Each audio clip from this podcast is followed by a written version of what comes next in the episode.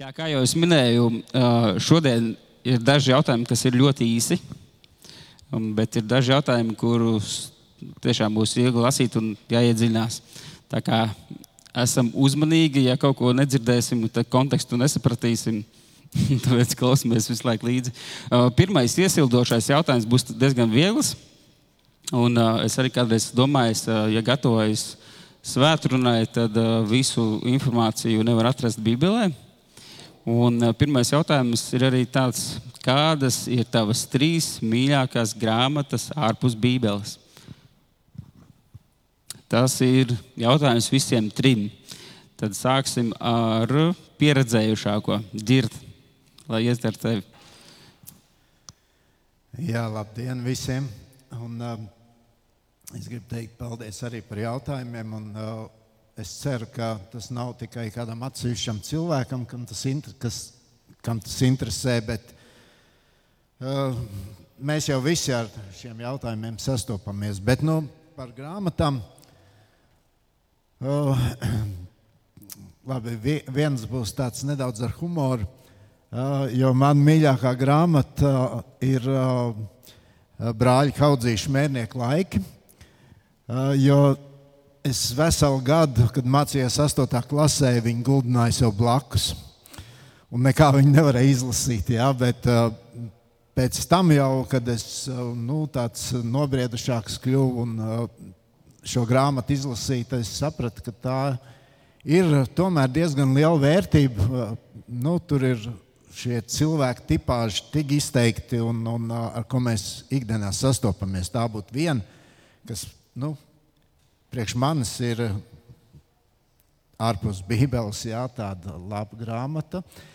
Tad uh, man uh, ir ļoti nozīmīga grāmata Džona Benjēnas Svētceļnieka gaita, jeb Svētceļnieka taka.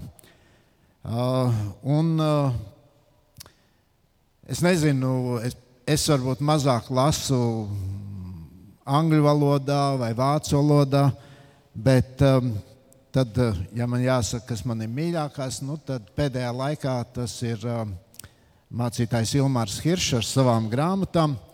Uh, 14 grāmatas viņam iznākuši, 11 es esmu, 10 esmu izlasījis un 11 to lasu. Ja? Tā kā ja nu viena no tām, tad man liekas, ka visvairāk man uzrunāja grāmata Dieva dēls cilvēku rokās. Tā, kā, nu, tā man atbild. Jā, paldies, paldies. Marku, kā ir tev? Jā, labrīt visiem. Uh, tagad tu teici, humorīgi, es domāju, tu teiksi Vinnijas pūks vai kaut ko tamlīdzīgu. Um, bet uh, jā, nu es sākšu ar uh, to, ar ko tu nobeidzi. Man arī Ilmāra Hirša grāmata tieši tā, ko tu minēji, Dievdēls cilvēku rokās, kur ir arī papildus tituls nosaukums pārdomas par mūsdienu kristietību. Uh, Tas man, tas man liekas tāda vērtīga grāmata, kuru noteikti vērts izlasīt ne tikai mācītājiem un teologiem, bet arī um, parastajam nemirstīgiem kristietim. Um, jā, par to, kādā situācijā mēs šobrīd esam uh, un kā, kas ir tas, ko mēs šodien redzam zem virsraksta kristietība. Tad uh, vēl viena grāmata, kas, uh, kas kur es esmu izlasījis nesen, un eh, kas man pašam bija ļoti vērtīga, bija viena vēstures grāmata, Brūsa Šelija, draudzes vēsture vienkāršā valodā. Parasti, kad mēs domājam par vēsturi, tad liekas, tas ir kaut kas tāds nu, smagnējs, un tur fakti, un tur tik daudz informācijas, un, un tā garlaicīgi varbūt mazliet. Bet eh, šī ir grāmata, kuru viņš ir veidojis kā lekcijas studentiem. Un, uh, tas ir tādā, tāpēc arī nosaukumā ir rakstīts vienkāršā valodā. Ar visu to tā grāmata ir apmēram tik bieza, bet uh, ļoti labi iedod tādu kopskatu par to, no kurienes mēs esam nākuši, kāda ir bijusi kristētība dažādos reģionos, kā viņa ir attīstījusies. Vērtīgi redzēt savus saknes. Un uh, trešā grāmata kur es teiktu, tā būtu tāda, manuprāt, kategorija, kuras noteikti iesaku ik pa laikam lasīt kristētim, ir grāmata par ciešanām, par to, kā kristieši ir tikuši mocīti iepriekš, iepriekš gan, bet arī šodien.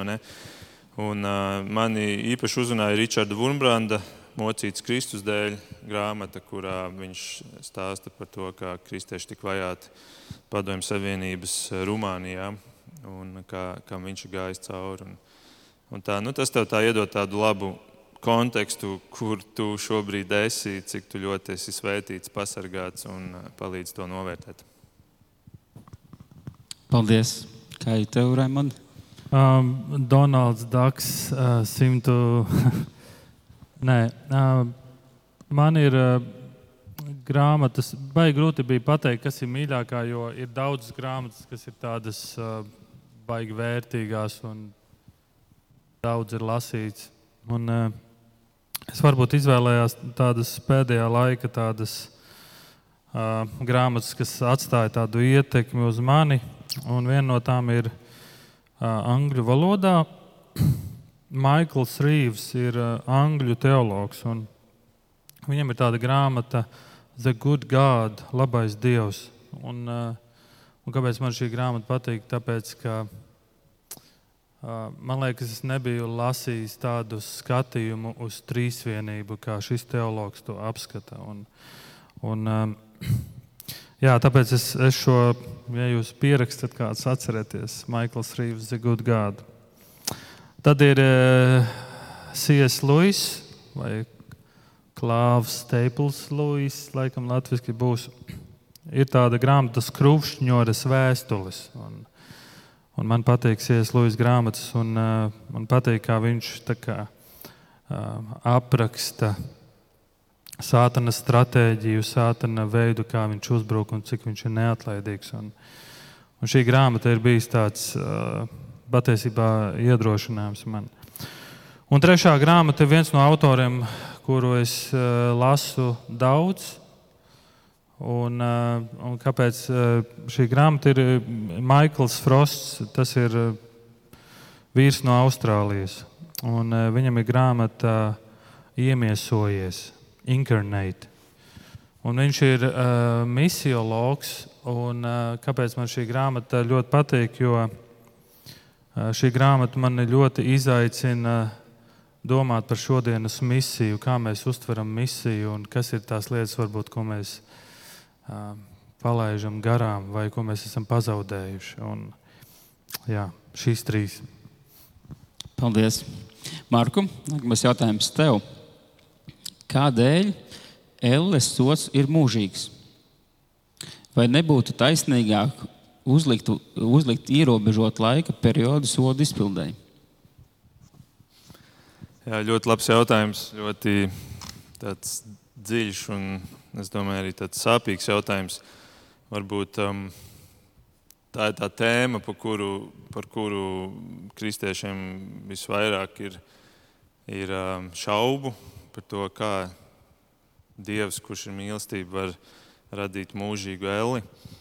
Un patiesībā pagājušajā nedēļā staigāju pa lielveikalu, un, un um, man, es, es tā staigāju, skat, tā skatījos uz cilvēkiem, un tieši par to domāju. Man bija par to jādomā, kā, kad tu paskaties uz šiem cilvēkiem, ne, un, un, un tad tu domā, cik daudz no viņiem nepazīst Kristu, cik daudz no viņiem um, nonāk šajā vietā, mūžīgajā, mūžīgajā ellē. Un, um, un tad ir tā, pilnīgi tā liekas, nu, bet viņi taču ir tik, uh, tik vienkārši cilvēki, tik nevainīgi cilvēki. Ne? Um, viņi staigā pa veikalu, varbūt pērk uh, kādu dāvanu saviem, saviem mīļajiem. Ne? Un, Un, nu, kā tagad tev tā mazliet ārpus tāda, tāda baznīcas konteksta noķer šāda doma, tad, tad liekas, nu, cik, cik šī doma ir baisa. Bet tagad, kad domā tālāk par šo tēmu, tad um, tu tā domā, nu jā, bet um, šie cilvēki staigā šajā vietā, šajā planētā, šajā zemē, um, šajā veikalā, šī vieta ir dota, kāds viņu ir devis viņiem, kāds viņu ir sagatavojis. Viņi staigā ar savām kājām, kuras viņiem kāds ir devis.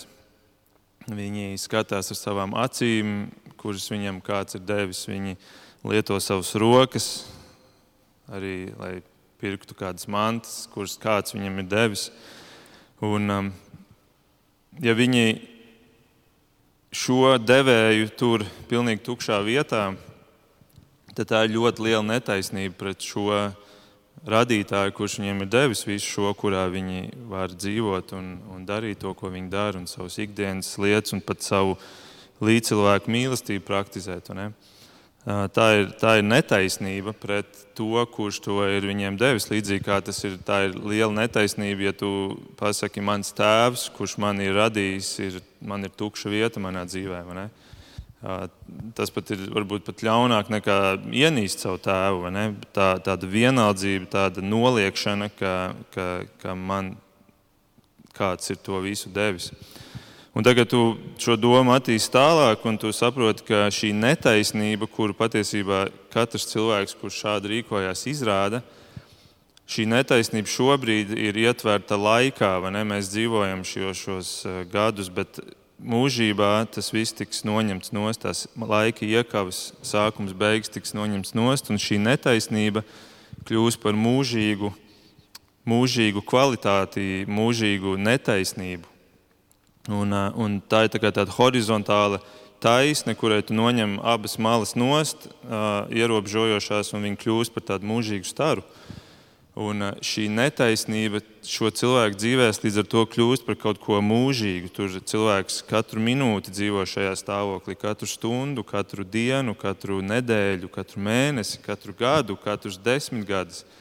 Visu savu dzīvi nodzīvo šajā stāvoklī, kurā viņš izrāda netaisnību pret to, kurš viņam ir devis šo dzīvi. Un, tā ir tā viena, to mēs varam saukt par horizontālā ne, taisnē, kas ir tas laiks, bet tad mēs vēl varam paņemt to vertikālo, kas ir uh, tas smagums, kāda ir, kāda ir šī, pret ko šī netaisnība ir vērsta, cik, cik liels smagums tam ir. Piemēram, ja mēs izdarām kādu noziegumu, jeb kādu kaut ko, piemēram, nozagam kaut ko kādam noziedzniekam, tas liksies daudz mazāk smagi nekā, ja mēs to izdarītu kādam nezinu, valsts prezidentam, kurš ir visu savu dzīvi veltījis savai tautai un, un ļoti daudz darījis labdarībai. Mēs to redzētu dažādā smaguma pakāpē. Bet darīt šo netaisnību pret Dievu, kurš ir pilnīgi svēts, pilnīgi perfekts, pilnīgi labs, pilnīgi mīlošs. Tā ir vislielākā netaisnība, un tā netaisnība patiesībā pat savā savā smagumā ir, ir bezgalīga, tāpēc ka Dievs ir bezgalīgi labs. Tāpēc arī uh, Kristus nu, piesišana pie krusta ir cilvēces visļaunākais, vislielākais grēks. Un tā, un līdz ar to bezdievis dzīvo ar šo netaisnību, kura ir gan horizontāli mūžīga, tāds stars, gan vertikāli mūžīga. Un, un tā, tas ir tas stāvoklis, un tāpēc sots, kuru cilvēks izcietīs, būs tieši tāds pats, viņš būs mūžīgs. Un, ja cilvēks uh, turpina dzīvot arī šajā ellē, mēs, mēs arī no Bībeles varam secināt, ka viņš turpina zaimot Dievu. Nekas nebūtu mainījies. Viņš turpina šajā stāvoklī dzīvot un dzīvos. Un tāpēc tik ļoti mums ir vajadzīgs Kristus, kurš šo, ja mēs varētu tā teikt, to sarkano stāru, kas ir pilns grēka, pilns sautības, pilns lepnuma, pilns šīs netaisnības, ka viņš atnāk un pārvērš viņu iztīra, pārvērš viņu par baltu stāru, pārvērš viņu par svētumu. Un, un, un tāpēc mums ir vajadzīgs Kristus, un tāpēc tie, kuri dzīvo ar Kristus taisnību, ar Dieva taisnību, ne, viņi arī to mūžīgi dara, pienes Dievam godu mūžīgi. Un, un, uh, un tāpēc viņi mūžīgi dzīvos pēc tam arī debesīs kopā ar Dievu. Un tāpēc tas jautājums ir, kādā krāsā ir tavs stars? Un, uh, tam šodien tas ir ietverts laikā, ielikts laika iekavās, bet vienā dienā šīs iekavas tiks noņemtas un tas viss pārvērtīsies par mūžīgu. Jā, paldies. Uh, Raimunds, tev arī ir mazliet Elas tēma. Tas sanāk. Pastāv uzskats, ka neizbēg, Pastāv uzskats, ka neizglābtam ellē būs mūžīgas, bezgalīgas mocības, jeb sots. Kā Jēzus varēja to izciest trīs stundās? Kādu kaut ko bezgalīgu varēja pataisīt par galīgu? Labi, viņš ir Dievs. Bet vai tas kaut kā nenorāda uz to, ka tomēr arī mums cilvēkiem sots būs galīgs? Tikai ļoti ilgā posmā, protams. Paldies par jautājumu. Uh, Elles jautājums patiesībā šis man lika domāt, ka brāļi mums vairāk jāsludina par Elli. Ir. Jēzus tik daudz sludināja par Elli, tā ka būs sērija noteikti par Elli, vai ne? um,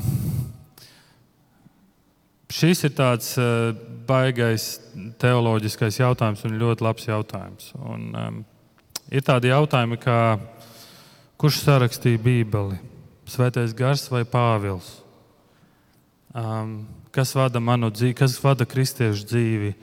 Es vadu savā spēkā, vai Svētais Gars to vada? Kurš, kurš, kurš, kurš kontrolē? Visu dara Svētais Gars, vai atbildība ir arī mana? Jēzus bija cilvēks, vai viņš bija arī Dievs? Un šie ir tādi jautājumi, kur, kur diezgan grūti tā, tā atbildēt, tā skaidri pateikt. Bet uh, tas, ko jautātais uh, ir pamanījis, jeb uztvēris pareizi, un es piekrītu, ir, ka uh, grēks pret Dievu pieprasa mūžīgu sodu. Un, un tas ir tas, ko mēs lasām Mateja 18,8. Un, ja tava roka vai kāja tevi apgrēcina, nocer to un aizmet projām, labāk tev tīzlam un kroplam iet dzīvībā, nekā ja tev ir abas rokas un kājas un tu tiec iemests mūžīgā ugunī. Un, eh, bet viena lieta, ko Bībele skaidri parāda, vēstule ebrejiem 9. un 10. nodaļa, runā par Kristus pietiekamā upuri, ka Kristus upuris ir pietiekams. Ebrejiem 9 un 10. Eh, pārlasiet, tev interesē. Un, eh, un ebrejiem vēstules autors parāda, ka Jēzus Kristus Tātad viņš ir miris, viņš tika apglabāts un viņš augšām cēlās. Un, un tā tur rakstīts, un viņš ir pie Dieva labās rokas debesīs. Tas vien norāda, ka Jēzus Kristus tur pie Dieva labās rokas necieš sodu, viņš neturpina izciest sodu. Tas ir izciests, tas ir izdarīts, tas ir, tas ir padarīts. Bet eh, domājot par šo jautājumu, kā Jēzus trīs stundās spēja to izciest un uh, kaut ko padarīt par mūžīgu, padarīt par galīgu. Un, um, es varētu minēt tādu piemēru, es ceru, ka tas palīdzēs. Ka grēka sots ir mūžīgs attiecībā pret laiku, taču tas ir arī bezgalīgs kvalitatīvā nozīmē. Mūžīgs attiecībā pret laiku, bet bezgalīgs kvalitatīvā nozīmē.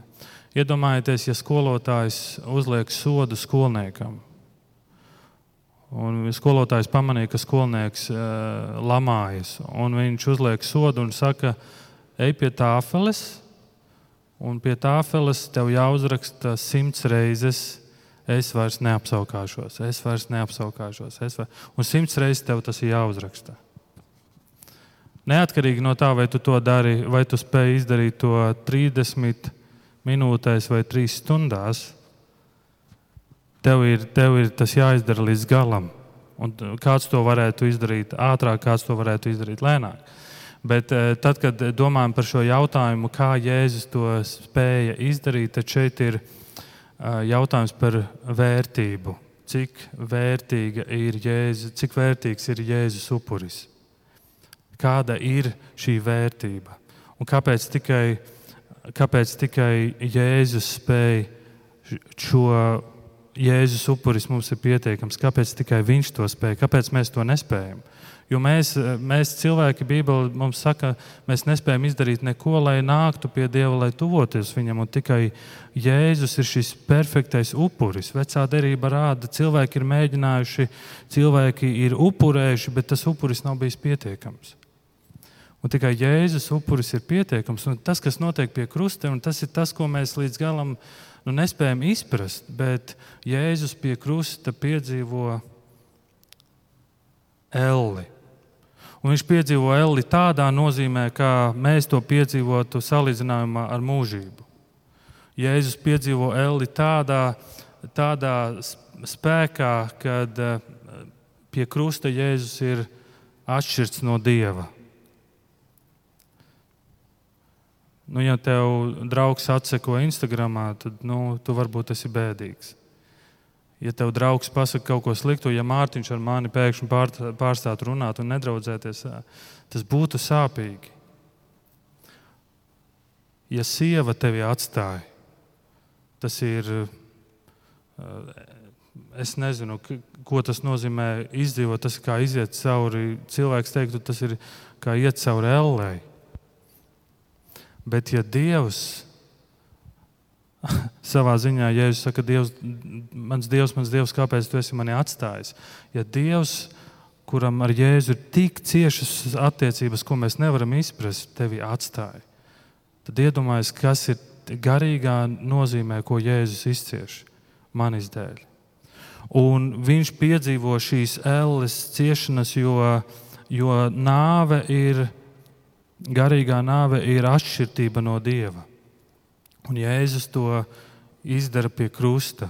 Un tas ir uh, trīs stundu laikā, bet vēstule ebrejiem saka, mums ar to pietiek. Jēzus to izpilda šajā laikā. Viņš uzraksta šos uh, mūsu vietā, visus šos vārdus uz tāfeles. Un vēstule ebrejiem saka, mums ar to pietiek.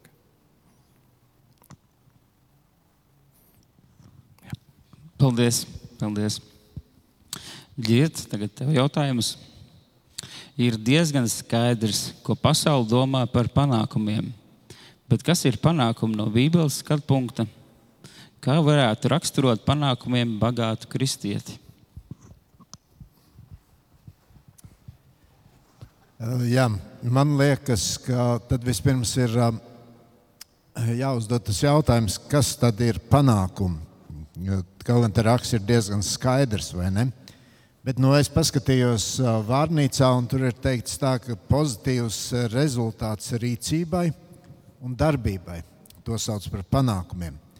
Sekmes, sasniegums, atzinība, ko iegūst kādas darbības veicējs.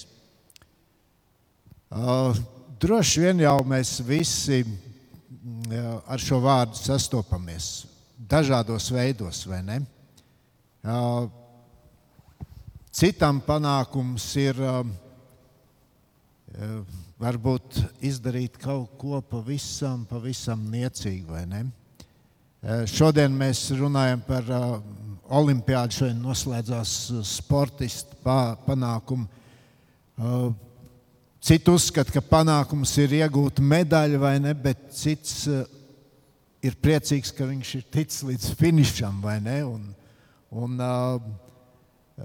nu arī par to jau cilvēki runā. Tad, tad tas ir kaut kāds zināms panākums. Es šodien izgāju ārā pirms dievkalpojuma uz ielas, un, un es redzu, tur šis Jāņa velosipēds stāv.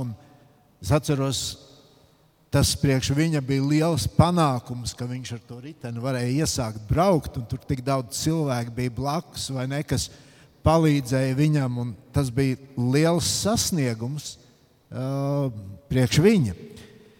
Bet, uh, ja mēs uh, tā otrā daļa, kas ir panākums no Bībeles skatu punkta, tad es varu teikt, ka Bībele ļoti daudz runā par panākumiem. Un Bībele runā arī par panākumiem, kas ir sasniegti ar cilvēciskiem spēkiem. Nu, kaut vai veco derību mēs lasām par pilsētu būvniecību vai ne par tempļa būvniecību. Kaut vai nošķirsts vai ne, tur cilvēki lika savus spēkus un izdomu. Man tāds mīļš stāsts Jēriks mūrs sagrūšana, vai ne? Tas bija noteikti tas bija panākums un panākums, kur izdevās sasniegt bez neviena liela gabala šāviena, vai vēl bez aviācijas, vai ne, kas sabumbota, bet pavisam citādā veidā. Un, kas ir panākumi no Bībeles skatu punkta, tad es gribētu teikt tā, ka Tas jebkurā gadījumā ir uh, progress. Tā ir, ja tā var teikt, nepār, arī mūsu cilvēka, katra kristieša nepārtraukta pieaugšana savā garīgajā dzīvē. Bet uh, es apzinos, ka šis progress ir tas, ko radu ne, ne es, bet ko rada Dievs manī. Nu, kaut vai es iedomājos, ka mēs kā kristieši varētu teikt, ka mums tāds panākums ir, ka manī veidojas šis raksturs, jeb ka manī veidojas šie gara augļi, par ko mēs lasām gal, galotiešiem 5. nodaļā, vai ne? Mīlestība miers, prieks, izturība, krietnums, labestība, uzticamība, lēnprātība, atturība.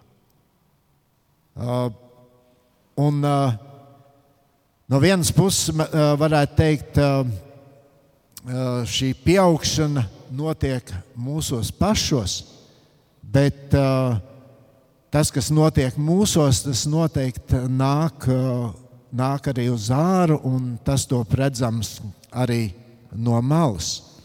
Un, tātad, ja mēs atceramies to definīciju, kas ir panākumi, pozitīvs rezultāts rīcībai, darbībai, jā, ko mēs paši varam arī darīt, bet tā Bībeles skatījumā, ko Dievs dara katrā cilvēkā, katrā cilvēkā.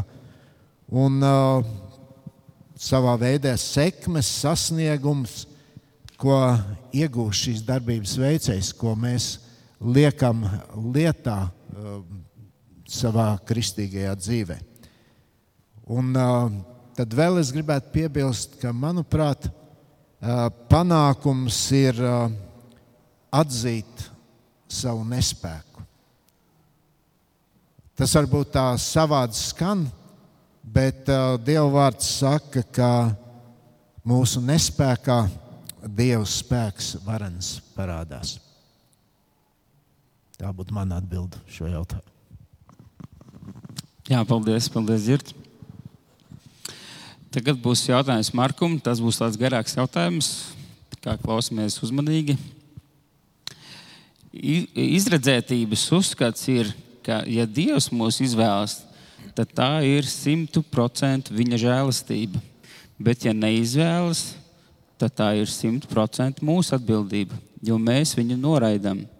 Bet mēs jau neesam līdzvērtīgās pozīcijās, kā bija Ādams un Ieva, jo mūsu izvēle ietekmē Ādama iedzimtais grēks. Mēs neesam spējīgi nemaz izvēlēties Dievu. Šī daba ietekmē mūsu izvēles, bet mēs šo dabu neizvēlējamies. Tā ir iedzimta sanāk, sanāk savu veidu nolemtība. Šajā sakarā arī jautājums, kāpēc radīt cilvēku, ja viņš lemts pazušanai? Tikai kā instruments kādam mērķim, kā piemēram var minēt jūdu izkarojotu, vai ir vēl kāds rakurs, kā uz šo izredzētības jautājumu raudzīties, lai būtu saprotamāk? Mārku Grūs, jautājums garš. Paldies par jautājumu. Ļoti labs jautājums. Ļoti labs jautājums. Tikai viens slikts apgalvojums ietverts. Nu, ne slikts, bet um, tāds, kuram es nepiekrītu. Tur jautājumā ir ietverts um, apgalvojums, kāpēc radīt cilvēku, ja viņš lēmts pazušanai. Ja tas jautājums būtu uzdots tā, vai cilvēks ir lēmts pazušanai, tad, uh, tad uh, mēs varam runāt, bet šeit ir apgalvojums, ja viņš lēmts pazušanai. Bībele nekur nemāca, ka cilvēks ir lemts pazušanai. Nekur nemāca Mateja 25, 41. ir pat teikts, ka ejiet prom no manis, jūs nolādētie mūžīgā ugunī, kas sagatavota vēlnam un viņa eņģeļiem. Tātad Dievs pat ēli gatavojot to galējo ēli, nebija, nebija gatavojis viņu cilvēkiem. Ja? Tātad Bībele ļoti skaidri norobežojās no šīs atbildības, ka kāds būtu um, nolemts uh, LA. Ne? Bībele nemāca determinismu, jeb šo nolemtību. Un, uh, arī jūda izkarjots jau netika izredzēts, jeb, jeb uh, izvēlēts uh, pazušanai. Viņš tāpat kā visi cilvēki izvēlējās to, viņš izvēlējās grēkot, un grēks ir tas, kas tevi pazudina. Grēka dēļ tu nonāc ellē. Un, uh, viņam uh, Jūdam izkarotam bija ļoti daudz iespēju atgriezties. Es domāju, vairāk nekā mums. Viņš gāja trīs gadus līdzi Jēzum. Viņš dzirdēja Jēzus vārdus, redzēja viņa piemēru, bija liecinieks viņa darbiem, un tomēr viņš izvēlējās neatgriezties. Viņš neatgriezās. Tad Bībele nekur nemāca, ka cilvēks, um, ka, ka Dievs ir atbildīgs par cilvēka bojāju cilvēks pats ir atbildīgs par to, un proti kādēļ? Tādēļ, ka cilvēks izvēlas grēkot. Un tad ir tas jautājums, vai jūdam un man šodien ir sliktāka pozīcija nekā bija Ādamam un Ievai. Ja mēs dzīvojam ar iedzimto grēku, Ādams vēl nedzīvoja ar šo iedzimto grēku. Tā atbilde ir pretjautājums, kāda atšķirība? Kāda atšķirība? Jo paskatieties, beig beigās arī Ādams un Ieva grēkoja. Tā tad eh, nu, izrādās, ka nebija nemaz tik liela atšķirība, vai tu dzīvo ar iedzimto grēku, vai tu dzīvo bez viņa. Mēs visi esam grēkojuši, ieskaitot tos divus cilvēkus, kuri dzīvoja bez šī iedzimtā grēka. Ja? Tātad cilvēks ir tik ļoti, uh, tik ļoti labprātīgs pret grēku, ka tu pat viņu vari ielikt perfektā vidē, ēdenē, bez iedzimtā grēka, un viņš izvēlēsies agrāk vai vēlāk grēkot. Tāpēc tā ļoti skaidrā atbilde ir, ka nē, cilvēks nav lemts pazušanai, cilvēks izvēlas pazušanu. Tā ir viņa izvēle, un to, diemžēl, dara visi cilvēki. Un tā dieva žēlastība ir tā, ka viņš izvēlas, ka kādi cilvēki no, šie, no šīs sevis izraisītās pazušanas tomēr spēj izglābties dieva spēkā. Tas, ka viņš neizglābīja pilnīgi visus cilvēkus savā suverēnajā spēkā, tas nenozīmē joprojām, ka viņš ir vainīgs šo cilvēku bojājā, tāpēc ka tā ir viņu atbildība. Tā ir viņu atbildība. Vaina paliek cilvēku pusē, un to Bībele ļoti skaidri parāda. Savā ziņā Dievs bez vajadzības izrāda labestību saviem ienaidniekiem, jo visi cilvēki Bībelē tiek saukti par Dieva ienaidniekiem. Piemēram, romiešiem 5.10. ātri var atvērt raksturvietu, kurā, kurā ir teikts, romiešiem 5.10. Ja būdami dieva ienaidnieki, guvām izlīgumu ar dievu viņa dēla nāvē, daudz vairāk būdami izlīguši, tiksim izglābti viņa dzīvībā. Ja? Tad mēs bijām ienaidnieki. Tas kā šodien Ukraina un, un uh, Krievija ja, sevi viens, viens otru uztver par ienaidniekiem. Tādi mēs bijām Dieva acīs. Un Dievam tas ir, tas ir kaut kas, ko mēs nedrīkstam sagaidīt par pašsaprotamu, ka Dievs ir izlēmis, ka Viņš par spīti tam, ka mēs esam ienaidnieki viņam, ka Viņš izrāda šo žēlastību. Vai tādēļ Dievs ir netaisnīgs, ka Viņš nav izvēlējies, ka Viņš nav pieļāvis pilnīgi visiem cilvēkiem šo atgriešanos, um, nē, viņš ir gan taisnīgs, gan žēlsirdīgs. Tā ir tā dieva pilnā daba, kuru viņš atklāja caur šo, um, šo dzīvi. Un, uh, un tā ir joprojām cilvēka izvēle grēkot, kuru viņš labprātīgi izdara, un tāpēc viņš iet pazušanā. Kādēļ cilvēku radīt, ja Dievs jau redzēja nākotni un redzēja, ka lielākā daļa neizvēlēsies Dievu un tā tad ies pazušanā? Tas jau ir mazliet cits jautājums, kurš ir ļoti liels un kādēļ vispār ir radīta pasaule. Tā pavisam īsā atbilde ir tā, ka arī cilvēki, kuri nonāks ellē, pagodinās Dievu ar to. Un tā jēga, kādēļ mēs esam radīti, kādēļ visa šī pasaule ir radīta, ir Dieva godam. Tas ir tas iemesls, un tāpēc, piemēram, Pāvils 1. korintiešiem 10 saka, vai jūs ēdat, vai dzerat, vai jebko citu darat, visu dariet kungam par godu. Tātad cilvēka, cilvēks tika radīts Dieva pagodināšanai, nevis pazušanai. Cilvēks izvēlas grēku, nevis Dievu. Tas ir tas, ko mēs redzam šajā mūsu cilvēciskajā dimensijā. tas, ko mēs lasām Bībelē, ir, ka tie, kuri ir, iz, kuri ir izvēlējušies Kristum sekot, ar to apliecina, ka tas ir darīts Dieva spēkā, ka tie ir Dieva izredzēti. Un, protams, mēs jūtam šo, šo nu, spriedzīti šajās divās pusēs, un, un tas ir tas paradoks, par kur arī Raimons ieminējās, ne, kas ir visās lielajās Bībeles doktrīnās redzams, šis paradoks starp šīm abām pusēm. Un mēs viņu nevarēsim savienot mūsu prātā tādā pilnīgā veidā, tāpēc viņas, šīs abas puses ir jāatstāj. Mēs esam aicināti atsaukties Kristum. Mēs redzam, ka tā ir mūsu atbildība. Mēs redzam sekas, kas mums būs, ja mēs neatsauksimies Kristum, bet paliksim savā grēkā. Bet tad, kad mēs esam atsaukušies, mēs redzam, ka Bībele saka, ka tas ir bijis Dieva spēks, kurš tev ir to ļāvis izdarīt. Un tas ir paradoks, bet tā, tā ir tā pilnā bilde, kuru Bībele parāda. Wow, paldies! Raimond, tev arī būs jautājums, kur runāsim par jūdu. Turpinām vēl jūda tēmu. Vai jūda izkarjots arī nebija izredzēts un tomēr zaudēja savu izredzētību?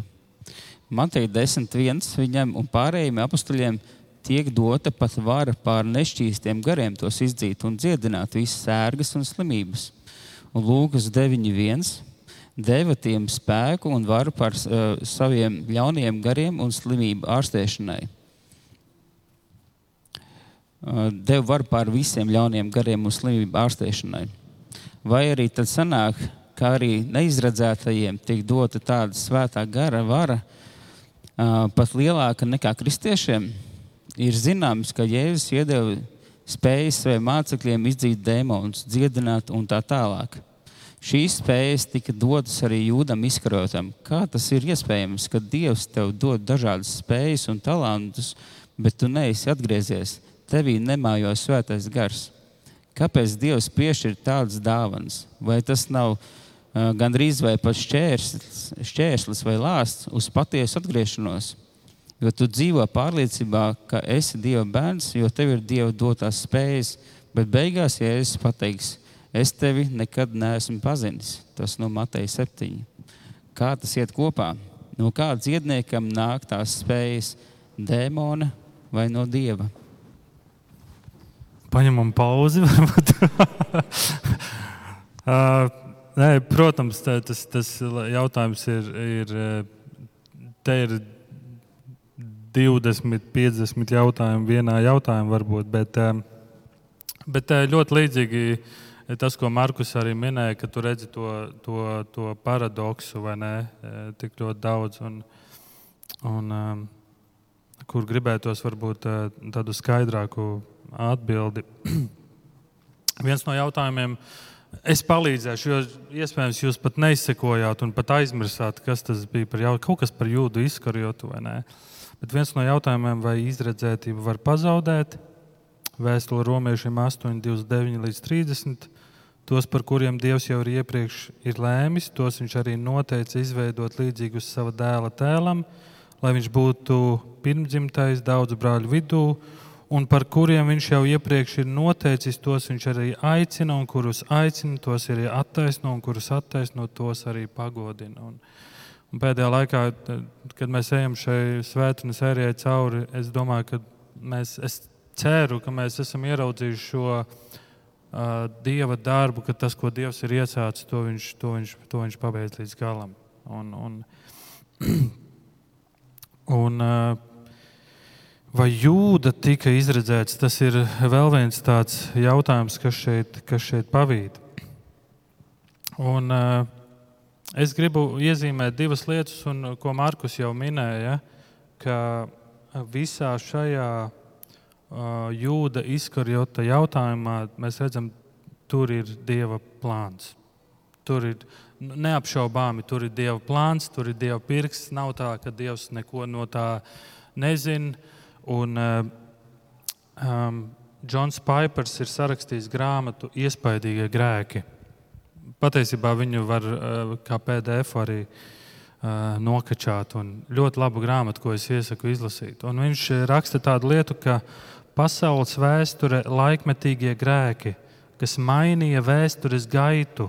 Iedomājieties, tie lielie grēki, kas mainīja vēstures gaitu, nekad neatcēla, bet tikai piepildīja Dieva globālos nolūkus, pagodināt savu dēlu un glābt viņa tautu. Lai cik lieli grēki arī, lai kā sātans ir centies izmainīt Dieva plānu, lai kā viņš joprojām cenšas, Dieva plāns nemainās. Arī lielie grēki to neizmaina, bet Dievs ir tajā iekšā un Dieva plāns izpildās. Man liekas, tas ir kaut kas tāds uh, skaists, uh, skaists apsolījums. Tā, tā, tas ir skaistums par Dievu. Bet, kad tu lasi Bībeli, tur lasi veco derību un tu redzi, uh, Dievs izmanto babiloniešus pret savu tautu, tad Dievs izmanto vēl kādu. Uh, Dievs izmanto faraonu vai ne, un, un faraona sirds ir nocietināta, un tu redzi, Dievs savā ziņā arī tur ir Dieva plāns izpildās, un tu redzi visas šo, šīs lietas, un, un tu redzi, kad, kad tajā visā ir tāds lielais jautājums, pagaid, bet tad Dievs kaut ko sliktu dara, Dievs ir daļa no šī grēka, ko, ko, ko cilvēki dara. Apostuļu darbi nu, piemēram, daži panti apakstuļu darbi 4, 28 līdz 29. Jo patiesi Hērods un Poncijas Pilārs ar pagāniem un Izraēļa ļaudīm ir šajā pilsētā sadevušies kopā pret tavu svēto kalpu Jēzu, ko tu esi svaidījis. Tie apvienojušies, lai darītu to, ko tava roka ir gribējusi. Tad Dievs tur redzi, tur ir Dieva plāns. Jēzus 53.10 bet tas kungs bija lēmis viņu satriekt ar ciešanām. Tas kungs ir kaut ko lēmis. Viņš ir lēmis satriekt Kristu ar ciešanām. Un, eh, un, ir, un, un tāpat laikā jūdas gadījumā tu redzi, ka Jēzus ir nācis uz šo, uz šo zemi, lai piepildītu rakstus, lai pravietojumi piepildās. 41. psalms, 10. pants. Pat mans labvēlis, uz kuru paļāvos, kas ēda manu maizi, nu ceļ pret mani papēdi. Pamācības 16.4. Visu kungs radīs savai reizei, pat ļaundaru posta dienai. Tur redzat, Dievs ir, Dieva plāns darbojas, un Dievs visu kontrolē, un Viņš visu zina.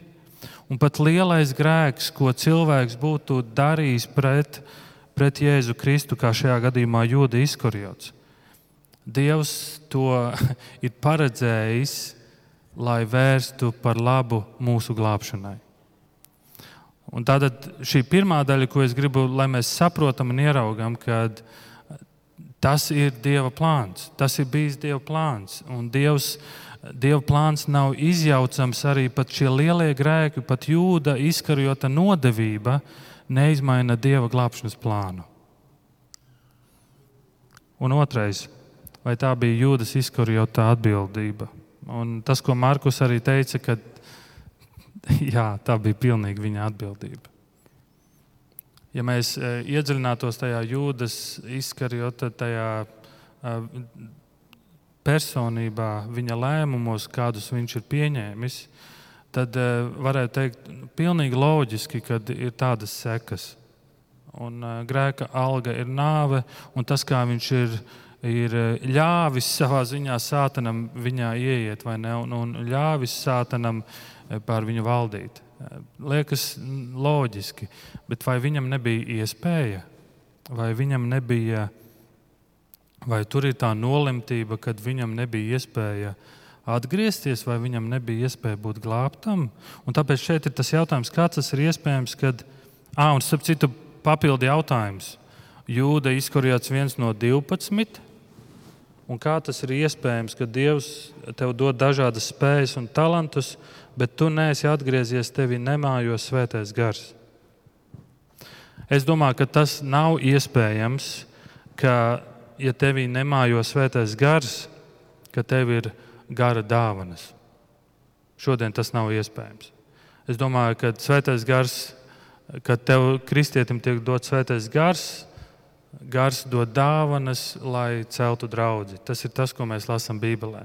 Bet šī situācija, ko mēs redzam ar Jēzus mācekļiem, ir uh, Jēzus dod viņiem šo vāru pār ļauniem gariem un dod uzdevumu viņiem eh, doties un pasludināt. Un šeit ir tas, tas uzdevums, ko Jēzus dod, lai Jēzus vārds tiktu, zinām, tiktu darīts zināms vairāk cilvēkiem, lai Jēzus būtu vairāk zināms cilvēkiem, lai viņi ietu pasludināt un parādītu, kāpēc Jēzus ir nācis un ir vara pār ļauniem gariem. Bet šī situācija nenozīmē, ka mēs šo situāciju ņemam un kopējam un tagad sakam, jā, tas ir pāri visiem gadsimtiem, tas ir aktuāli arī šodien. Nē, šodien, šodien tas tā nenotiek.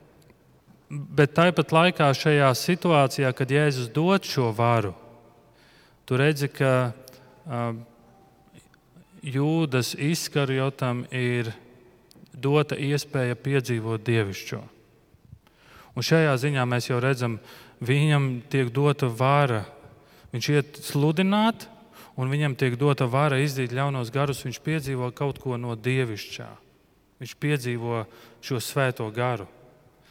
Un, un tu redzi, kādu iespēju Dievs joprojām ir devis Jūdas izkarjotam visi šie trīs gadi, ko viņš ir bijis kopā ar Jēzu. Tas jautājums, vai tiešām nebija iespēja, un tu redzi, es varētu uzskaitīt, uzskaitīt daudzas lietas, cik daudz iespējas Jūdas izkarjotam ir bijušas.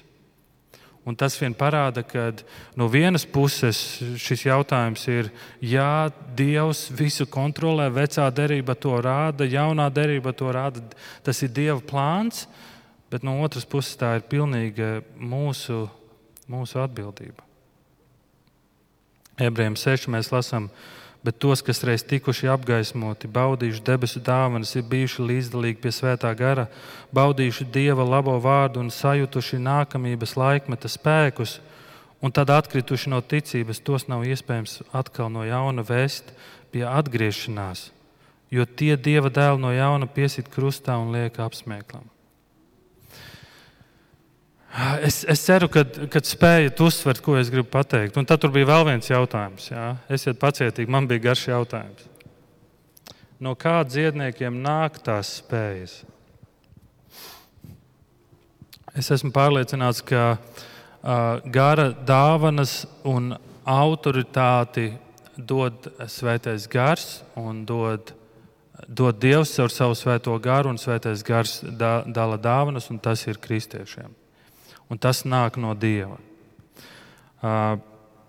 Kas attiecas uz to, vai citi, kas kaut ko tādu praktizē, vai tas nozīmē, ka visiem dziedniekiem un, un, un tā tālāk, vai tās ir spējas, kas nāk no Dieva, vai mēs varam teikt, tas nāk no Dieva? Noteikti nē.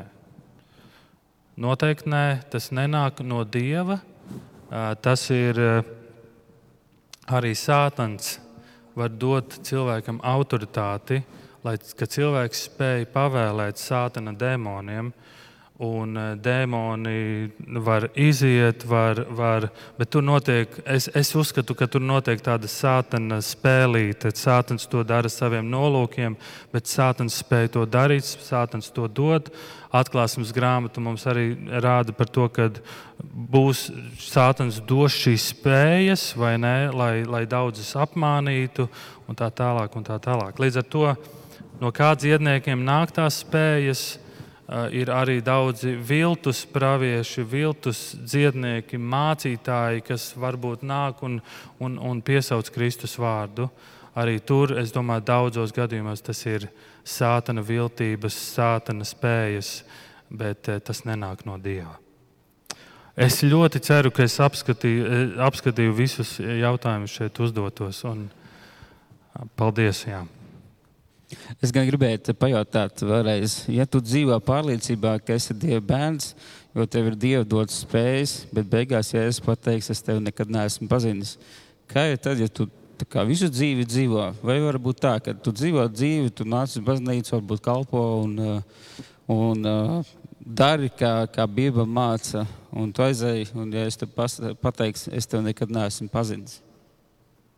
Vai tas var būt? Okay, mēs runājam par to, ka jūda izskatās, ok, viņš tur redzam grēkoja, bet kā ir, tu, tu tā kā no pilnas pārliecības dzīvo, un, un viss ir ok, tu tur maksā nodokļus, centies, un, Un tā, bet vai, būr, vai var būt tā, ka Jēzus saka, es tev tomēr nekad neesmu pazinis? Uh, jā, uh, un es domāju, tāpēc arī Jēzus šeit um, ir šis pants. Uh, Daudzi nāks manā priekšā un teiks, mēs tavā vārdā esam to un to darījuši, un tādas lietas darījuši. Un, un ja es saku, ej, nost, es jūs nepazīstu. Un viena lieta ir tas, man liekas, šis parāda to, ka viena lieta ir zināt par Dievu intelektuāli, bet otra lieta ir pazīt Jēzu Kristu personīgi. Jēzus Kristus saka, ja jūs nekļūsiet kā bija tas pants, labāki, ja jūsu taisnība nebūs labāka par farizēju taisnību, ne, tad jums ne, nenonāk debesu valstībā. Tas nenozīmē, ka viņš saka, jums ir jācenšas būt labākiem par farizējiem. Jēzus Kristus jau tā jau um, saka, redz, ko farizēji cenšas panākt. Viņi cenšas būt pēc iespējas labāki un labāki un labāki. Un, un tavā dzīvē varētu būt tā, ka tu dari ārēji. Farizēji darīja tik daudz ārēji redzamas lietas. Tu vari darīt ārēji redzamas lietas, bet patiesībā tu vari Kristu nepazīt. Un Kristus beigās teiks, uh, piedod, es, es tevi nepazīstu. Tā. Jā, paldies. paldies. Ģita, tev atkal jautājums, un šis ir mazliet uh, turpinājums vai iespraudums tavam iepriekšējiem jautājumiem par panākumiem. Tā kā klausamies, kur ir robeža starp normālu vajadzību, jeb vēlmi, nu, piemēram, pēc mājas, mašīnas, apģērba un citām lietām, un mankārību pēc kādiem principiem jūs katrs novelkat robežu, ka tas ir vajadzīgs, un, un tad drīkst gribēt, meklēt, domāt, sapņot un krāt naudu, bet kur sākas jau mankārība? Ja es redzu vajadzību, bet daudz iztiek arī bez tā konkrētās lietas. Nu, piemēram, arī mēs pirms desmit gadiem būtu iztikuši. Varbūt tā ir tikai vēlme Jā, man liekas, ka šis nu, ir jautājums, ar ko mēs visi vairāk vai mazāk cīnāmies. Vai un, uh, kas vienam ir vajadzība, citam tā nav vajadzība. Uh, es uh, dienēju padomju armijā, Krievijas armijā, un, un uh, tur sadraudzējos ar um, Ukrāņu puišiem, kur arī bija kristieši. Un, uh, tad uh, pēc armijas uh, mēs braucām, uh, apprecējāmies ar savu sieviņu, un mēs braucām kādas ceļojumā un braucām ar mašīnu uz Ukrajinu. Un izdomājām iebraukt, apmeklēt savu dienas biedru. Un, bija interesanti, ka mēs viņu tur atro, atrodam tajā nelielajā pilsētiņā, kur nu viņš dzīvo. Un, uh, Un, uh, izrādās, viņš ir tikko gandrīz jau pabeidzis uzcēlis māju. Uh, un, uh, tāda liela māja, blakus arī liela māja. Un, un, uh, bet uh, meklējot, kur tad nu, viņš tur ir, jo tajā laikā nebija nu, tie telefoni, ar kuriem varēja sazvanīt. Tev bija pēc adreses jāmeklē un, un jācer, ka tas cilvēks būs mājā vai nu iepriekš jāraksta vēstule, kad tajā laikā mēs apmēram būsim. Un uh, izrādās, viņš dzīvo aiz šīs lielās mājas, tādā pavisam necilā mājiņā. Un, un viņš mūs tur uzņem un uh, vienkārši pusdienas, vai ne? Tur uz galda izklāta avīze, tur kartupeļu bļoda un tā tālāk. Nu, vienkārši cilvēks. Un, uh, Es viņam prasu, bet paklau, kāpēc tev tā māja, tu viens pats esi? Un, tu zini, viņš teica, es to uzcēlu tāpēc, ka mans kaimiņš arī uzcēla.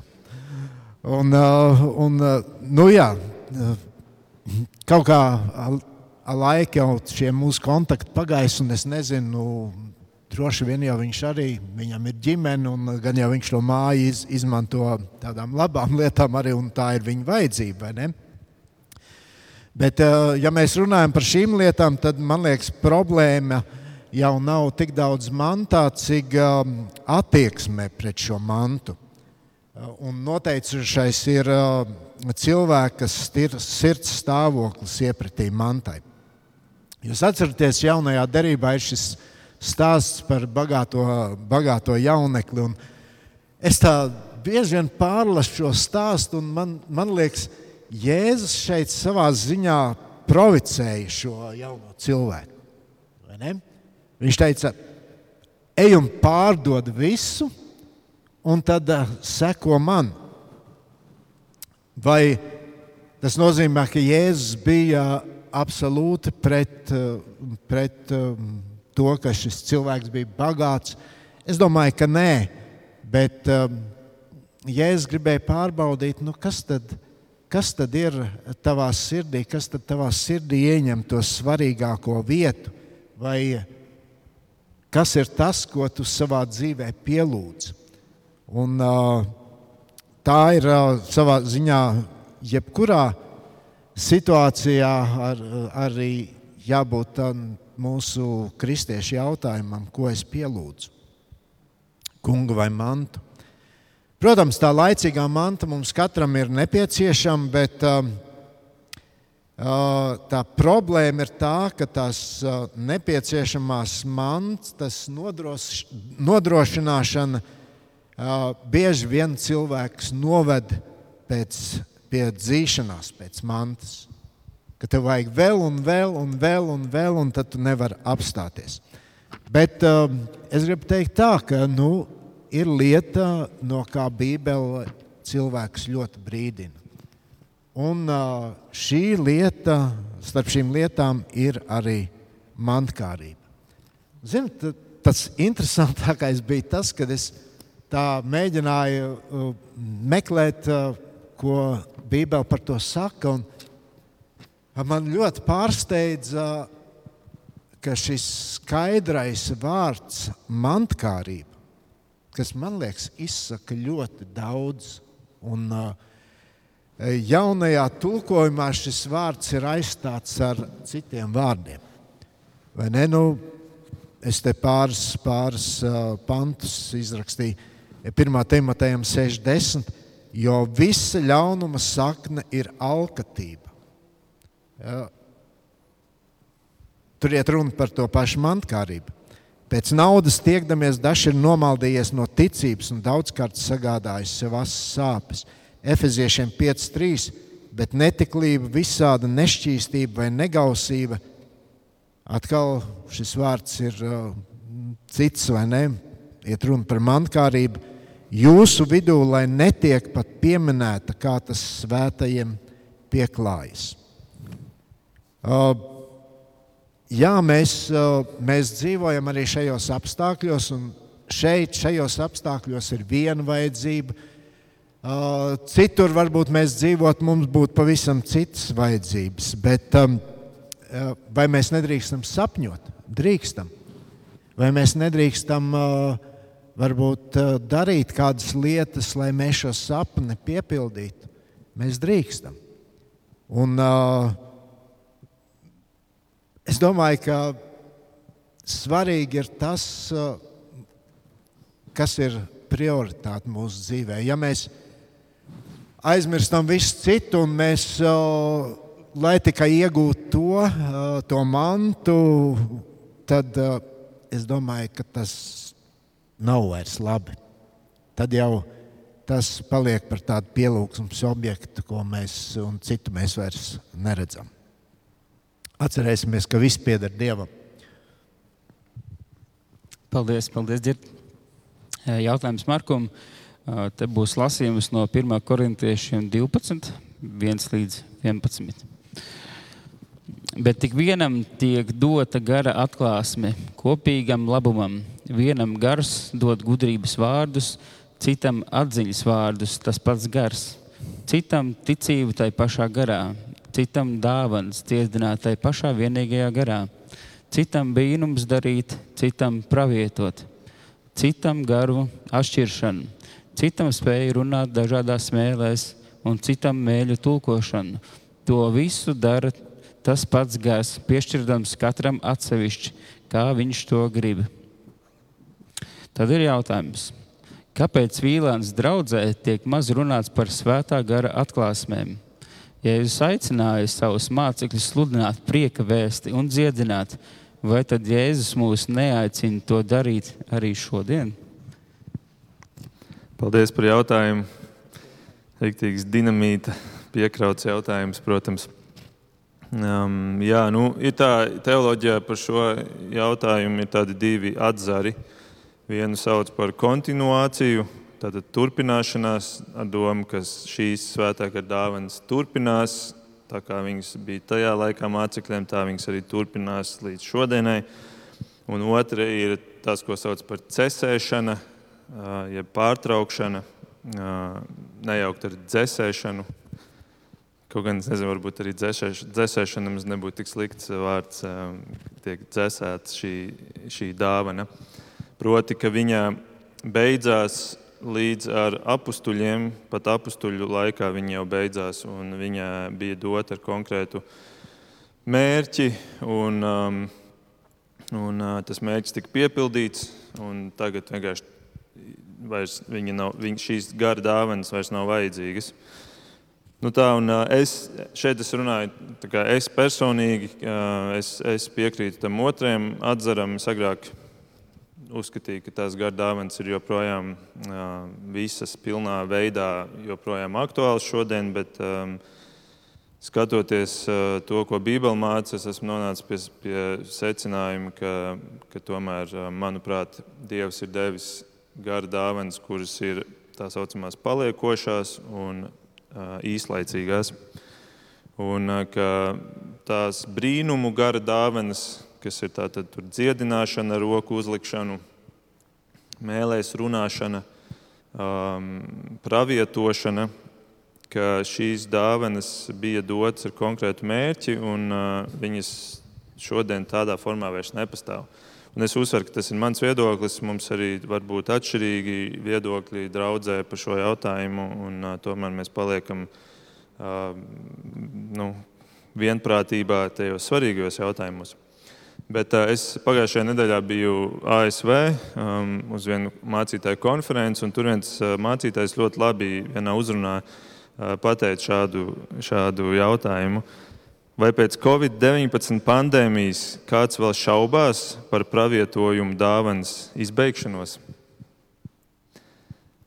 Jo neviens no tā saucamajiem praviešiem, kurus sevi sauc par praviešiem, neviens nebija uh, skaidri pateicis, ka 20. gadā mums būs milzīgas ciešanas, un tas ilgs tur, nezinu, trīs gadus. Un, un tāpat tie, tie frontes līnijas pravieši, tā saucamie apstuļi, viens no tiem lielākajiem runātājiem pat Ziemassvētku vakarā kā viņš katru gadu dara, deva tādu pravietojumu par nākamo gadu un, un teica, ka šis gads, 20. būs vēl daudz labāks nekā 19. Un, nu tā, es vācu presē lasīju par to, ka zīlnieki, jeb gaišreģi, ir pilnīgi izgāzušies šajā Covid laikā, tāpēc, ka arī viņiem viņu prognozes pilnīgi nav piepildījušās. Tātad tepat nav vajadzīga kristētība, pat okultismā viss ir izgāzušies. Uh,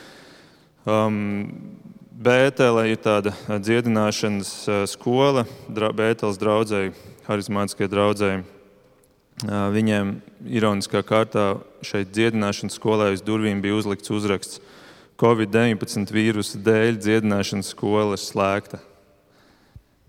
Jā, nu, kā, es domāju, Covid-19 laiks ir ļoti labi parādījis, uh, ka, ka ir pamats uzskatīt, ka ka šīs gara dāvanas tiešām šādā formā, kā viņas ir Bībelē dotas apstuļiem, viņas ir beigušās, jo viņas vienkārši beigušas savu funkciju. Un, un, ja mēs paskatāmies pat uz apstuļiem, ja, piemēram, Pāvils, apstulis Pāvils bija spējīgs dziedināt, viņš aizbrauca uz Maltu.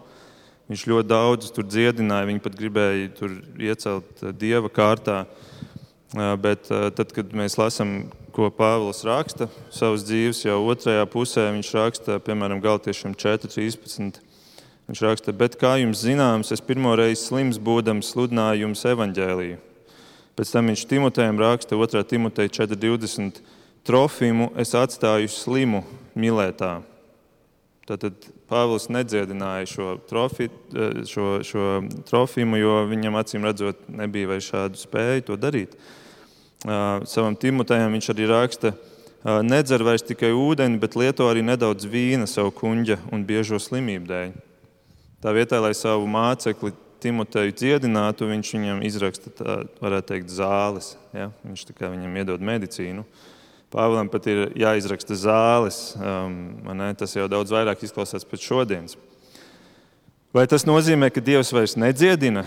Protams, ka nē. Dievs dziedina un Dievs visu spēj izdarīt, un Viņš to arī joprojām dara. Un šodien mēs lasām Jāekab vēstulē 5.16, kā tas ir domāts šodienai. Ja? Tur ir rakstīts, tad nu izsūciet, izsūdziet cits citam savus grēkus un lūdziet cits par citu, ka jūs to pat dziedināti. Jēkab 5.16. Mēs redzam, ka dziedināšana šodien notiek divos veidos. Caur uh, lūgšanām, to dara draudzene. Mēs lūdzam kopīgi. Nevis vairs, ka vienam cilvēkam ir dota spēja tagad likt rokas virsū un dziedināt, bet to dara draudzene. Un otra ļoti svarīga sastāvdaļa ir izsūdzēt cits citam savus grēkus. Tas, kas mulsina mūsdienās, ir, kad mēs redzam, nu, pieņemsim tādās tā saucamajās harizmātiskajās draudzēs, kad notiek šā, šie dziedināšanas dievkalpojumi.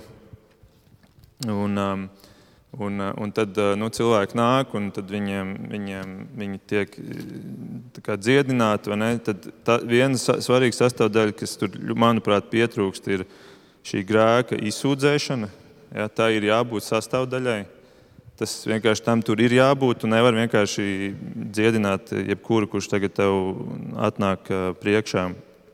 Un otra lieta ir, ka tas, kas ļoti trūkst šajās, šajās pieredzēs, ja mēs tā varam viņus saukt, ir, ka uh, tur trūkst tā veida dziedināšana, ar kādu Jēzus dziedināja. Jēzus dziedināja cilvēkus, piemēram, dažu sekundžu laikā no, no lepras slimības. Tātad pilnīgi cilvēks bija, bija viss ar, ar, ar strūtām, vātīm, un viņš viņu dziedināja. Tā ka viņš varēja iet un atrādīties priesteriem. Jēzus piecēla mirušu cilvēku, kurš jau pāris dienas bija miris. Jēzus lika pieaugt ķermeņu locekļiem, ķermeņu daļām, tūlīt uzreiz, Un tas, kas šodien notiek no draudzēs, kur, kur, tas, kur, kur tiek likts šis uzsvers, ir, ka viņi, viņi, viņi nodarbojas ar tā, tā saucamajām psihosomātiskajām traumām. Tās ir traumas, kuras tiek izraisītas caur stresu un, un caur tavu mentālo um, daļu, un tas ietekmē pēc tam tavu ķermeni. Piemēram, es apskatījos definīciju, kas ir psihosomātiskās traumas. Stresa izraisīti psihosomātiski traucējumi var būt hipertensija, elpu ceļu slimības, kuģa zārnu trakta traucējumi, migrēna un spriedzes galvas sāpes, iegurna sāpes, impotence, frigiditāte, dermatīts, čūlas un citi.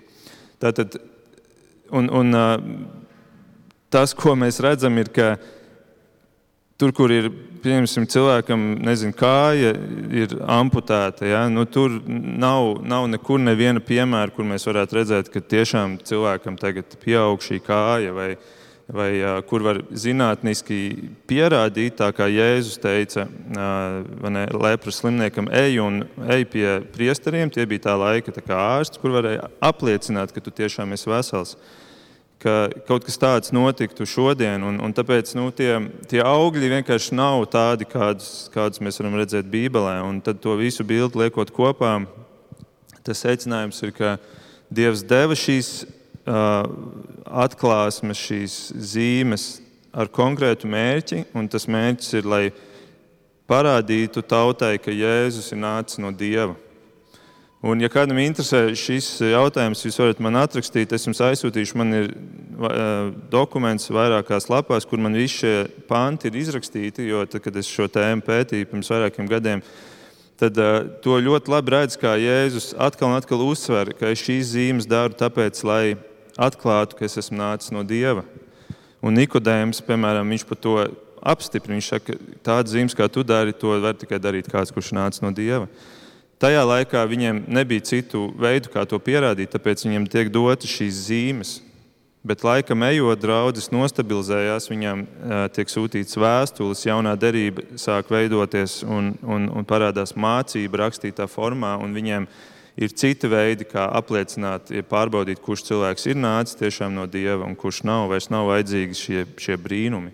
Un tāpēc šīs dāvanas lēnā garā pakāpeniski atkāpjas un vairs nav nepieciešamas. Tās garu dāvanu tās sāraksti, viņi visi ir tajās vēstulēs, kuras ir sarakstīts pirmās, nevis vēlākajās. Un pavisam beigās noslēdzot, te jautājumā bija, vai mums nevajag sludināt prieka vēsti.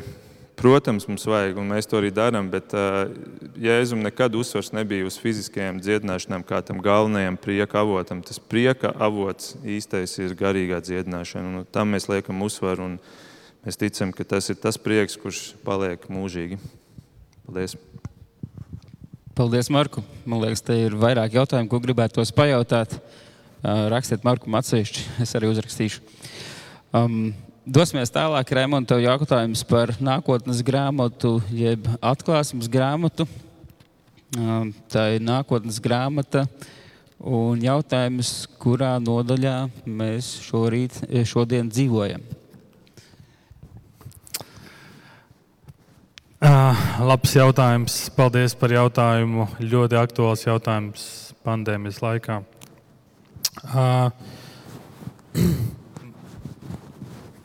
Par atklāsmes grāmatu ir tā, ka ir, dažā, ir dažādi skatījumi, kā cilvēki skatās uz atklāsmes grāmatu, kā cilvēki interpretē.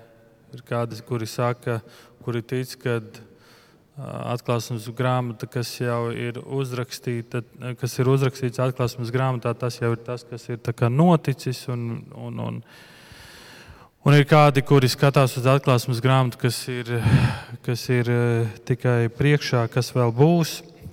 Es esmu tā piekritējis vairāk, kad atklāsmes grāmata uh, saka to, kas būs, būs vēl priekšā, kas mūs sagaida. Bet uh, uh, ir svarīgi, kad mēs eh, lasot atklāsmes grāmatu, nelasām atklāsmes grāmatu kā tikai tādu laika līniju, mēģināt ieraudzīt un ar pirkstu uzlikt, lūk, šeit mēs atrodamies. Lūk, šis ir tas, kas atklāsmes grāmata ir ar mērķi, lai savā ziņā eh, ticīgie nav pārsteigti par lietām, kas nāks, nav pārsteigti par lietām, kas notiks, kas tuvojas. Atklāsmes grāmata ir ļoti uh, specifiski vēsts atklāsmes grāmatā ir Dievs ir uzvarētājs. Lūk, atklāsmes grāmatas vēsts. Dievs ir uzvarētājs, Kristus ir mūsu uzvarētājs, mūsu varonis, un, un mēs varam būt uzvarētāji viņā, ja mēs uzticamies viņam un paliekam viņā. Šo daļu bieži vien daudz cilvēku izlaiž garām, neredz, viņi redz tikai uh, zīmes, viņi mēģina to ieraudzīt, bet tā vēsts, kas tur ir, esi uzticams. Paliec uzticams, Kristus ir uzvarētājs. Lai kādas grūtības nāks, lai kādas grūtības arī nāktu, Kristus ir uzvarētājs. Paliec uzticams. Un lūk, ir atklāsmes grāmatas vēsts, ko man liekas, bieži vien mēs tā neieraugam un nesaskatām. Bet, uh, uh, Bet interesanti ir tā, ja tu, ja tu paņemtu un lasītu atklāsmes grāmatu pa nodaļai un mēģinātu pierakstīt, ok, šeit notiek tas, šeit notiek tas, šeit notiek tas, un mēģinātu ieraudzīt. Mēs pat eh, ar Marku gājām, eh, bija svētdiena par to, ka mēs gājām cauri atklāsmes grāmatai eh, pa daļām. Tā. Tad interesanti ir ieraudzīt, kas notiek šajā nodaļā, kas notiek šajā nodaļā, kas tur būs tad un, un tad un tad. Un, Un tad es teiktu, atbildot uz šo jautājumu, kur tad mēs atrodamies. Tā tad eh, es personīgi uzskatu, ir kaut kur. Mēs esam otrā un trešā nodaļa ir vēstījums draudzēm. Un ceturtā nodaļa sākas, kad draudzene jau ir paņemta, draudzene ir paņemta, eh, paņemta pie Kristus. Un, eh, un līdz ar to es teiktu, mēs atrodamies kaut kur starp trešo un ceturto nodaļu. Nu tā, vai draudzē ir jau paņemta. Es ticu, ka nē, ka mēs vēl neesam paņemti, mēs to gaidām. Bet līdz ar to arī nu, mēs kaut kur tur, es teiktu, starp 3 un 4 atrodamies. Tad uh, tūkstošgadus miera valstī vēl nav. Vēl nav. Jā, es ticu, ka vēl nav. Okay, paldies. Taču Ukraina ar Krieviju, kāda tur var būt miera valstība? labs, labs punkts. Šajā reizē pēdējais jautājums būs dzirdams. Īsts jautājums. Kristietis izmanto zinātni un citu reliģiju zināšanas, lai pilnveidotu sevi. Kad un kā viņš to drīkst darīt? Kristietis meditē. Kad un kā viņš to var darīt?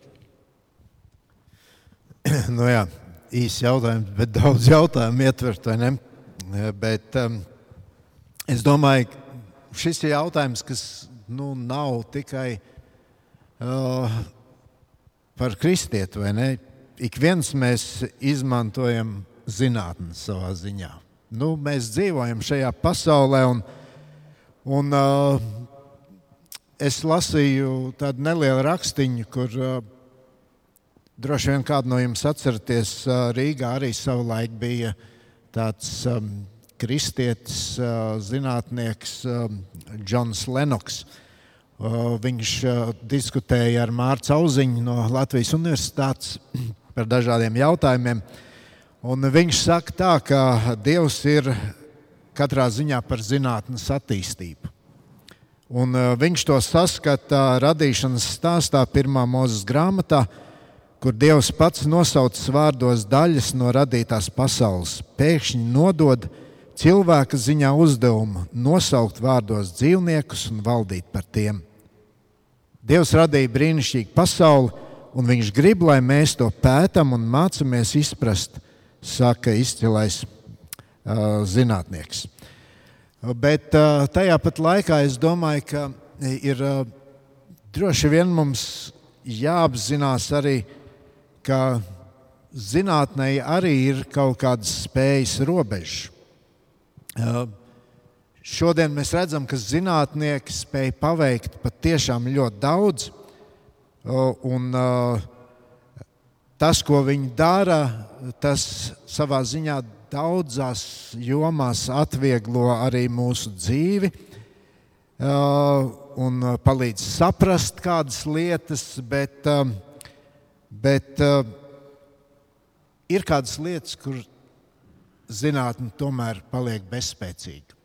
Un, uh, katrā ziņā zinātnē nevar pateikt, kas tad galu galā ir cilvēks. Un, uh, kāda ir cilvēka dzīves jēga. Un, uh, šīs lietas arī šo dzīves jēgu katrā ziņā tāda zinātne cilvēkam arī nespēja, nespēja iedot. Un tāpēc man liekas, ka zinātnē ir um, tāds uh, brīnišķīgs izziņas instruments, uh, bet uh, zinātne nekad nav un nebūs radītājs. Interesanti, ka Nesen es braucu mašīnā un es klausījos kādu interviju ar Latvijas Rādio 1 ar kādu mm, Latvijas zinātnieku, diezgan, uh, aizmirsu pēkšņi to vārdu, bet uh, viņš teica tā, ka ir neiespējami būt zinātniekam un neticēt tam, kas visu ir radījis. Un, uh, mēs izmantojam to, ko zinātnieki atklāja, protams, lai pilnveidotu sevi. Nu, skolā mēs ik viens mācāmies, vai ne, lietas, un mēs sev pilnveidojam. Vai cita reliģijas zināšanas? Es domāju, ka kristietim nevajag citu reliģiju zināšanas izmantot, lai sev pilnveidot. Mums ir Dievs, dzīves Dievs, kuram mēs ticam un, un kas mums dod arī viss, kas mums vajadzīgs. Tā otrā daļa par to, ka kristietis meditē, kad un kā viņš to var darīt. es gribu pavisam īsi, jo laiks, diemžēl, ir mm, ļoti nepielūdzami gājis uz priekšu. Es domāju, ka meditācija ir vajadzīga un ka tā ir svarīga kristiešu dzīves sastāvdaļa. Un, uh, kad un kā viņš to var darīt? Es domāju, tas ir mūsu lūkšanas laiks, bet uh, vienmēr atcerieties, ka lūkšana ir tomēr kaut kas cits nekā tikai ka mēs Dievam noberam savas vajadzības priekšā un sakām, Dievs, man vajag to, man vajag to, man vajag to, dari to, dari to un dari šito. Bet uh, lūkšana ir uh, mūsu saruna ar Dievu, kur mēs uh, arī ļaujam Dievam uz mums runāt, kur mēs klausamies. Tā ir Dieva vārda pārdomāšana. Um, un, uh, atkal man jāsaka, tas jaunais tulkojums un, un kaut vai pirmais psalms, ja jūs lasīsiet, jā, tas vairāk mums kā, paved uz to nu, meditāciju, kas bubina dievu vārdu dienu un nakti, vai ne? Es vairāk, man vairāk patīk tas vārds pārdomā. Un, uh, es domāju, tas, ka katram kristietim noteikti ir vajadzīgs klusais laiks, jeb klusums Dieva priekšā. Ka tu ļauj vienkārši Dievam tevi uzrunāt, darīt tev zināmas kādas lietas. Bet es negribu tā dziļāk iet tajā iekšā. Es ieteiktu paņemt mācītāju Ilmāra Hirša grāmatu Pārdomu labirintos. Tur ir vesela nodaļa par šīm lietām. Viņš tos to aplūko no ļoti dažādiem skatu punktiem. Tā kā tur var atrast info. Paldies, Girt! Prieks skatīties uz visiem jautājumiem, ka tie nav vienkārši jautājumi, kur ir viens vārds atbildē, bet tie ir tādi dziļi jautājumi. Paldies visiem, kas jūs iesūtījāt. Tie, man liekas, ir jautājumi, kas varbūt sirdī ir katram iekšā, bet mēs nespējam tos noformulēt. Tā kā paldies, un uh, arī nākamgad, kad būs, tad, tad sūtiet, un, un būs prieks dzirdēt atbildes.